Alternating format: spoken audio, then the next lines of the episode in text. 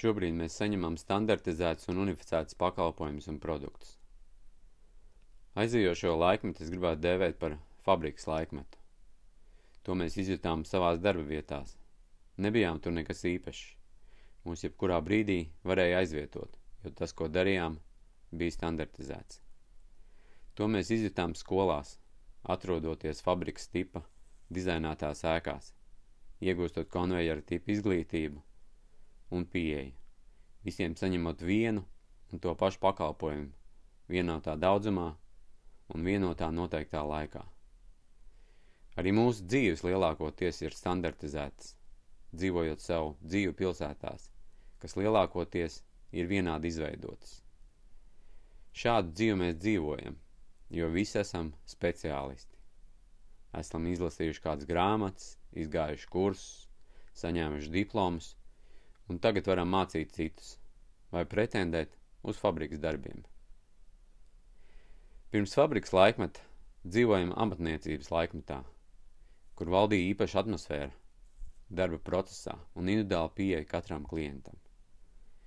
Šobrīd mēs virzamies uz laikmetu, kur atgriezīsies individuāla pieeja pret katru cilvēku, gan kā darbinieku, gan kā klientu.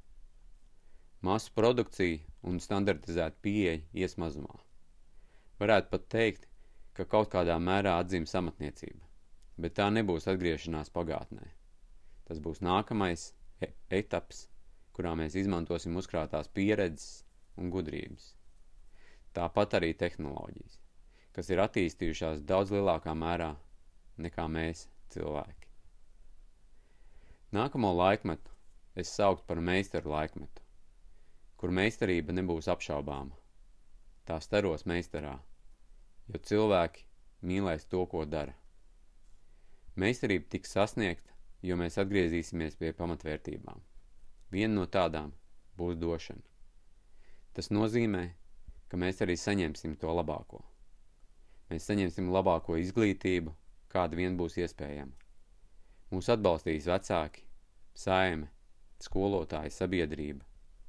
Mēs drīkstēsim iet savu unikālo, individuālo ceļu, lai atrastu sevi darbībā un kļūtu par meistaru. Kad mēs kļūsim par meistaru, mēs sāksim sevi dāvināt pasaulē.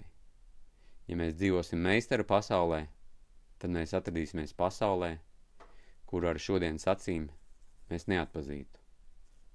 Mums liktos, ka atrodamies paradīzē.